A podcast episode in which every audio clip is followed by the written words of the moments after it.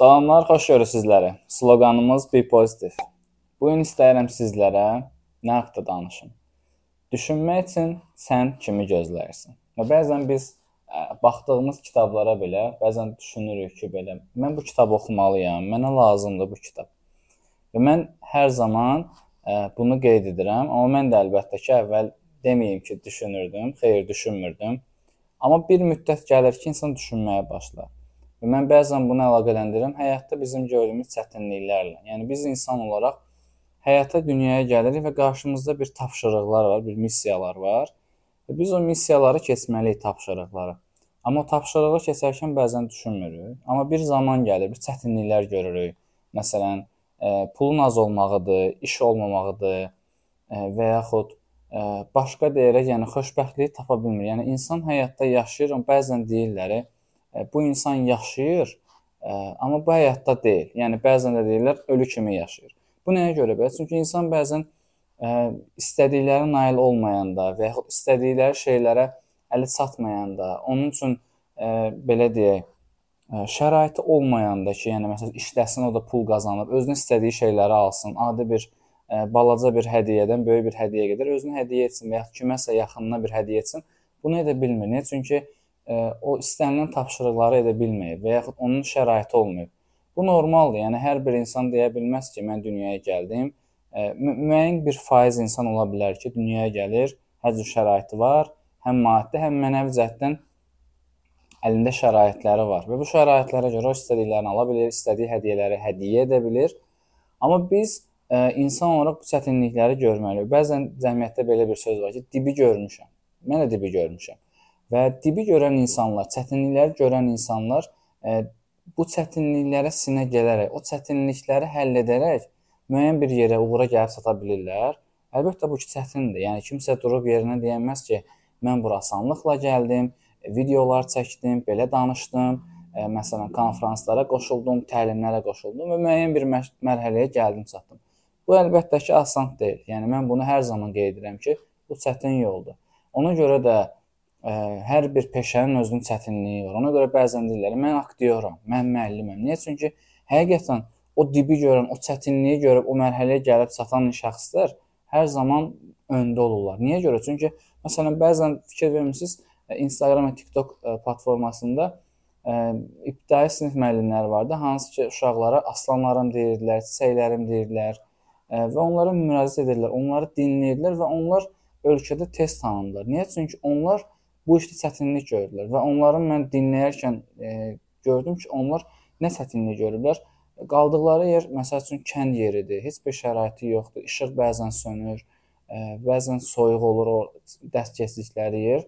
Amma onların qarşısında bir məqsəd var ki, mən bu uşaqlara təhsil verəcəm və bu uşaqlar da şəhər universitetlərində, şəhər məktəblərində oxuyacaq və bunlar bu uşaqların da bir gələcəyi olacaq, parlaq gələcəyi olacaq və o hədəfə çatır həmin şəxslər və o məqsədlərini yerinə yetirə bilir. Amma o bu demək deyil ki, 5 tələbə orada oxudu, onun işi bitdi və geri qayıdır məsələn Bakı şəhərinin daha yaxşı ə, e, təkliflərə. Xeyr, o qalır orada və onun məqsədi var ki, bu rayon və e, kəndlərdə olan e, şagirdlər də tələbə olsunlar və onlar da belə deyək də bir Azərbaycanlı kimi inkişaf etsinlər. Çünki onların da aldığı təhsil çox əhəmiylidir. Və gördünüz ki, onlar müəllimə sarılırlar, qucaqlaşırlar, bir-birlərinə sevgilərini etiraf edirlər. Bu da bir məqsəddir.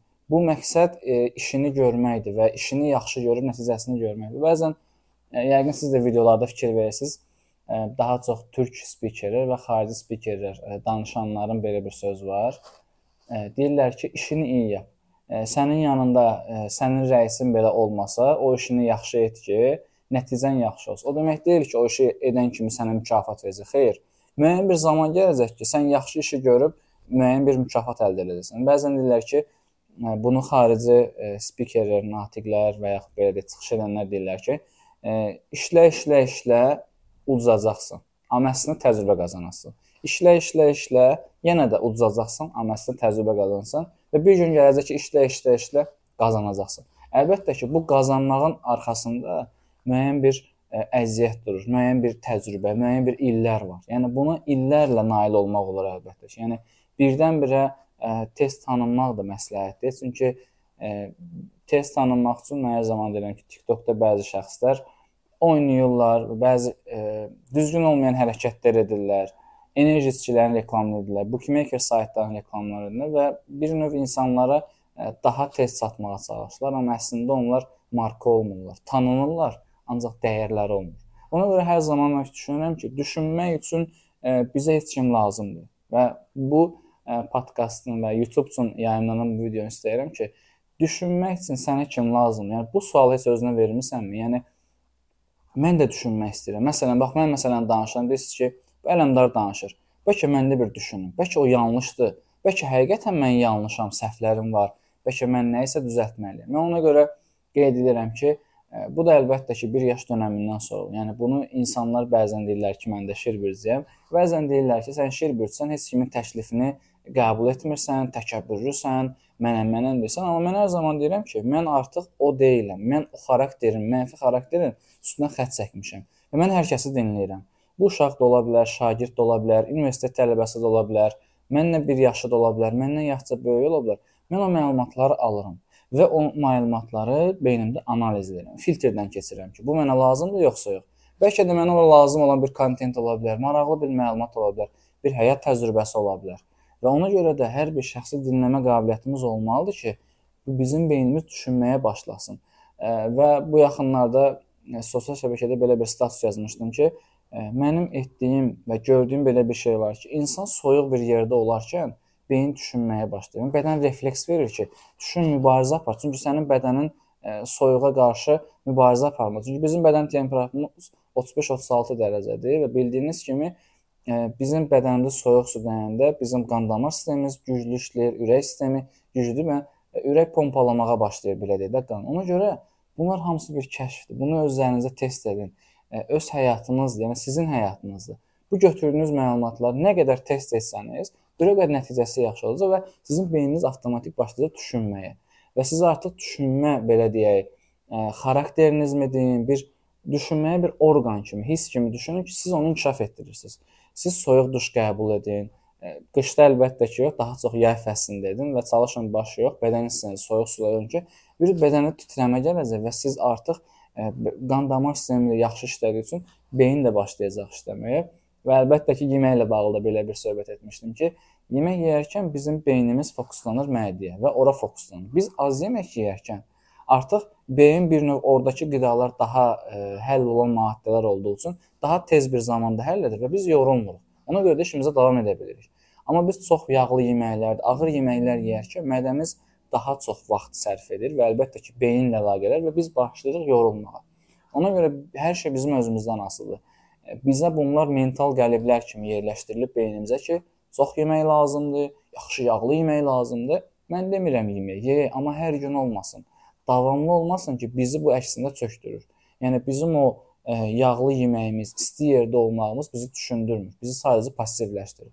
Və bəzən mən bunu metroda, marşrutda görürəm ki, ə, e, daha çox yaşlı nəsil e, bunu bunlara rastlaşıram ki, mənim artıq üşüyürəm, mənim yaşım gəlib. Yəni Bu əslində bizdə psixoloji bir vəziyyətdir. Biz bunu öyrəşdirik. Məsələn, mən indi hal-hazırda yenə də artıq 1 e, ildən çoxdur ki, keçən məsələn qışda mən də qalın geyinirəm. Artıq bu il qışda çalışıram balonka geyinirəm və altdan qısa qol köynəyi və nazik geyinməyə çalışıram ki, çöldə gəzərkən bədənim üşüsün. Çünki mənə istilik versə e, rahatlıq verəcək, mənə komfort zonu verəcək ki, hə isti yerdəsən, narahat olma, düşünmə, relaks, gəzdin, ha, okey, gəl evdə otur. Və mən relaks zonada olacağam, komfort zonada, rahat bir zonada oturacağam. Amma mən üşüyərkən beynim başlayır işləməyə ki, "A, gəzmək lazım, ora gedim, bura gedim." Artıq beyin başlayır işləməyə. Və inanın sizə ki, mən kontent taparkən, yəni bu sosial şəbəkələr üçün mövzu hazırlayarkən, yəni o o düşünməyim, parkda gəzməyim, e, dostlarımla do görüşməyim e, mənə artıq düşünməyə başlayır, bədənim işləməyə başlayır. Ayda üşüyürəm, görən nə fikirləşim artıq bədən başlayır e, düşünməyə. Yəni bunları mən test edirəm. Yəni sual verə bilərsiniz, hər hansı bir kitabdan oxudunuz? Xeyr. Bəli, mən də internetdə görmüşəm ki, məsələn, soyuq su qəbul edəndə insan ə, e, refleks verir, bu daha yaxşıdır, amma bunu artıq test edirəm ki, yəni bəlkə mənə yalan danışırlar. Yəni test edərək mən demirəm ki, məsələn, barmağınızı kəsin və yaxud hər hansı özünüzdə hər hansı bir orqanınızı yandırın. Xeyr. Sadəcə bu baş verən hadisələri test etmək lazımdır ki, bu artıq bizi düşünməyə gətirib çıxaracaq Mən hər zaman nəyi qeyd edirəm? Məsələn, kitab oxumaq deyəndə bəzən deyirlər ki, mən hər gün kitab oxuyuram. Deyirəm, xeyr, insan azad, hür böyüməlidir. Mən bu kitabı oxumasam, okey, oxudum. Oxumaq istəmirəmsə, oxumamalıyam. Məcbur edib özümü enerjimi aşağı salmamalıyam. Çünki mən də artıq hardasa demək olar ki, kitabı demək olar çox nadir hallarda oxuyuram. Bu aralar biraz bəlkə də qış fəslinə görə ki, biraz fasilə vermişəm. Bəlkə də artıq e, beyin dolub, bir müəyyən bir zaman lazımdır ki, e, dincəlsin beyin, rahatlasın ki, mən yenidən o məlumatları, informasiya qəbul edə bilim. Yenə də qeyd edim ki, sosial şəbəkədə belə bir paylaşım etmişdim. Bəlkə də siz də sosial şəbəkədə görmüsüz, daha çox Instagram və TikTokda ki, bir stəkan qoyurlar və suyu süzürlər ora. Suyu süzəndən sonra çatanda deyirlər ki, okey, bu insanın hər bir insanın bir tutumu var. Yəni su götürmə. İngiliscə daha rahatdır, capacity deyirlər. Bizim dildə tərcümə tutum gedir. Tutum əslində biraz insanlara tam çatmaya bilər. Yəni həcm, məsələn, bir stəkanın dola biləcəyi su var. Məsələn, yarım litr. Okay, misal gətirirəm böyük stəkanları. Yarım litr ya 250 ml dolursa, bu onun götürə biləcəyi informasiyadır. Sən nə qədər onu çəkin, yox, bunu oxu, bunu öyrən, o götürməyəcək. Və bu daha çox bizdə abituriyent və tələbələrdə rastlaşırıq ki, valideynlər ki, oxu, oxu, oxu, amma bu insanın götürə biləcəyi bir qabiliyyət var. Bəlkə bu insan rəssam olacaq, bu insan aktyor olacaq, müğənni olacaq. Hər bir insan istənilən sahəni seçə bilər. Və ona görə də bizim sahəmiz belədir ki, e, biz bunu düşünməliyik. Yəni sahəmiz dedikdə bu görürsüz, ə, e, təsadüfən edirəm və istəmirəm ki, ə, e, mən necə gəlirsə elə istəyirəm danışım. Ə, istəmirəm ki, hər şeyləri, videoları kəsim. Yəni necə varsa, ə, necə çəkilirsə, ə, sizə videonu elə təqdim edəcəm. Ona görə mən hər zaman ki, kitabı oxuyanda biz düşünməliyik. Mənə bu kitab lazımdır, yoxsa yox? Mən hər zaman baxırdım ki, detektiv daha çox bizim cəmiyyətdə oxunur. Və mən hər zaman deyirəm ki, onu güc strukturunda əgər işləyirsənsə, sənə o zaman lazım. Yəni sən normal həyatda bir müəllimsənsə, sənə detektiv kitabı nəyə lazım olsun? Yəni bu detektiv nədir? Hər hansı bir ölüm, cinayət işi baş verir və onu araşdırmaq lazım. Və ya hər hansı bir hadisə baş verir, onu araşdırır detektiv. Yəni bu hər bir insana lazım deyil. Yəni biz əslində özümüzü mənfiyə yükləyirik. Yəni lazım olmayan məlumatları biz özümüzə qəbul edirik. Müəllim yeni gələn məlumatları oxusa, öyrənsə, müəllimliklə bağlı, təhsil, elmlə bağlı effektiv olar.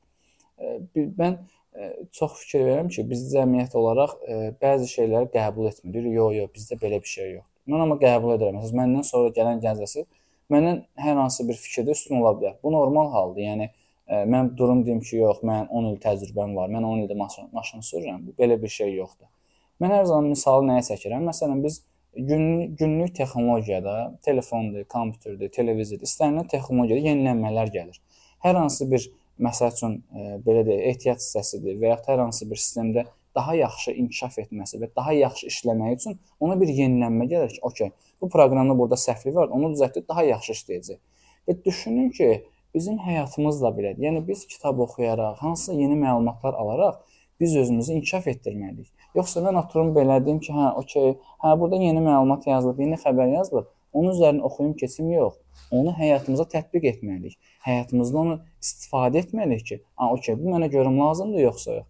Mən ona görə deyirəm ki, kitabı biz oxuyanda qabaqcadan qərar qəbul etməliyik. Mən bu kitabı niyə oxuyuram? Bu mənim üçün lazımdır yoxsa? Çünki çox fikir verirəm ki, insanlar kitab oxuyarkən düşünmürlər. Deyir ki, mən də kitab oxuyuram. Oxumuşam bu kitabı. Deyirəm ki, orada nə nəticə çıxdı. Yəni müəllif sənə nə çatdırmaq istədi? Hansı məlumat çatdırmaq istədi? Deyir ki, o qədər fikir vermədi, amma maraqlı kitab idi. Ən əsası filmlərdə bunu rastlaşıram. E, filmlərdə yəqin bilirsiniz də Kurtlar Vadisini Polad Alemdar mənim adıma uyğun gələr deyə, amma əslində mənim babamın adı. E, və insanlar deyirlər ki, oradan deyirəm xeyr, 94-cü ildə o bir videoda çıxmış ki, 97-də Abdülhey adı olmadığı kimi bir e, bir cavan oğlana babası da onun öz adını verib. Və burada insanlar nəyə fikir verir? Polad Əlimdar ölmür, nə bilim belə. Amma bizdə orada kinonun məğzi fərqlidir. Kino bizə çatdırmaq istədiyi nədir? Türkiyədir, Türkiyənin ətrafında olan düşmənlərdir, dostları kimlərdir? Türkiyənin dövlətin siyasəti göstərilir. Və o paralel olaraq dövlətdə hal-hazırda baş versə, kino onu göstərir. Və yaxud bizim Azərbaycan kinonunda ə, e, cəmiyyətdə olan problemləri göstərir. Amma bizdə insanlar oradan nümunə götürürlər öz həyatlarını tətbiq edir ki, hə, orada eləyib, mən də eləyim. Amma əslində kino bizə göstərir ki, bizdə bu problem var. Bu kinoya baxın ki, bu problem olmasın. Ona görə düşünmək bunun üçün vacibdir ki, biz baxdığımız nöqtələrə, oxuduğumuz kitablara, həyatımızda qarşımıza çıxan sual və problemləri biz həll etməyə çalışmalıyıq. Düşünməliyik ki, mən bunu həll etmək istəyirəmmi, yoxsa istəmirəm. Və inanıram ki, e, hazırladığımız podkastlardır, videolardır, hazırladığımız kontentlərdir, reels videolardır sosial şəbəkələrdə yəqin ki, bir insana belə göstərdiyiniz bu keyfiyyətli fikirlərdir, düşüncələrdir. Əgər sizləri e, yaxşı mənada dəyişə bilirsə, düşündürə bilirsə və inkişaf etdirə bilirsə, bu əslində bizim üçün bir uğurdur və bizim cəmiyyətimiz üçün uğurdur. Yəni mən paxıl olarım ki, yox, mən uğur qazandım, mən 5 nəfəri e, düşündürdüm. Xeyr. Əgər bizim cəmiyyətimiz inkişaflısa, bu hər bir fərdin uğurudur. Biz sadəcə buna sevinməliyik və sizlərdən xahişim bundan olacaq ki, videolar bəyənirsiniz, YouTube kanalı üçün videolar bəyənirsiniz, dostlarınızla paylaşırsınız və öz rəylərinizi bildirirsiniz ki, bəlkə mən həqiqətən harca səhv sözlər istifadə etmişəm. Bu baş verə bilər, bu normaldır. İnsan səhv edə bilər, insan faktoru var.